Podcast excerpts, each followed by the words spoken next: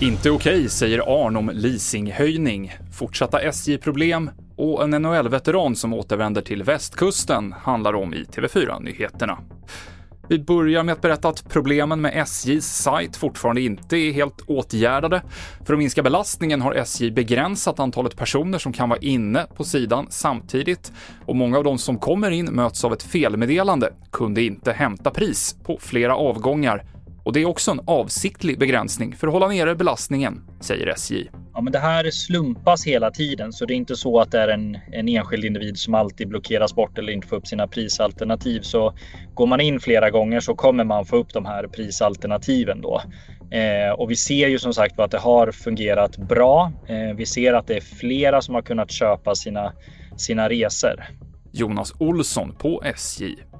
IT-problemen som drabbade Region Västerbotten har blivit lösta. Alla länets sjukhus och hälsocentraler påverkades under tre timmar då det inte gick att titta i journaler eller ta prover och doktorer kunde inte skriva ut recept, enligt uppgift till Folkbladet.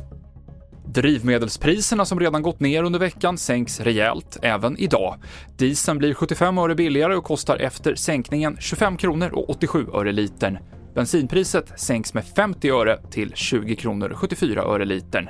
Lägre oljepris på världsmarknaden och en starkare krona är ett par av faktorerna bakom de lägre priserna.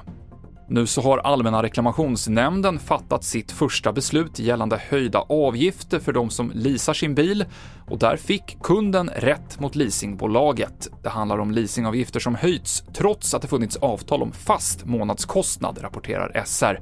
Hittills i år har anmälningarna ökat med 370% jämfört med samma period i fjol. Vi avslutar med hockey. 37-årige Louis Eriksson gör SHL-comeback och ska återigen spela för Frölunda. Eriksson vann SM-guld med Frölunda 2005. Efter det så blev det 17 säsonger och över 1000 matcher i NHL. TV4-nyheterna med Mikael Klintevall.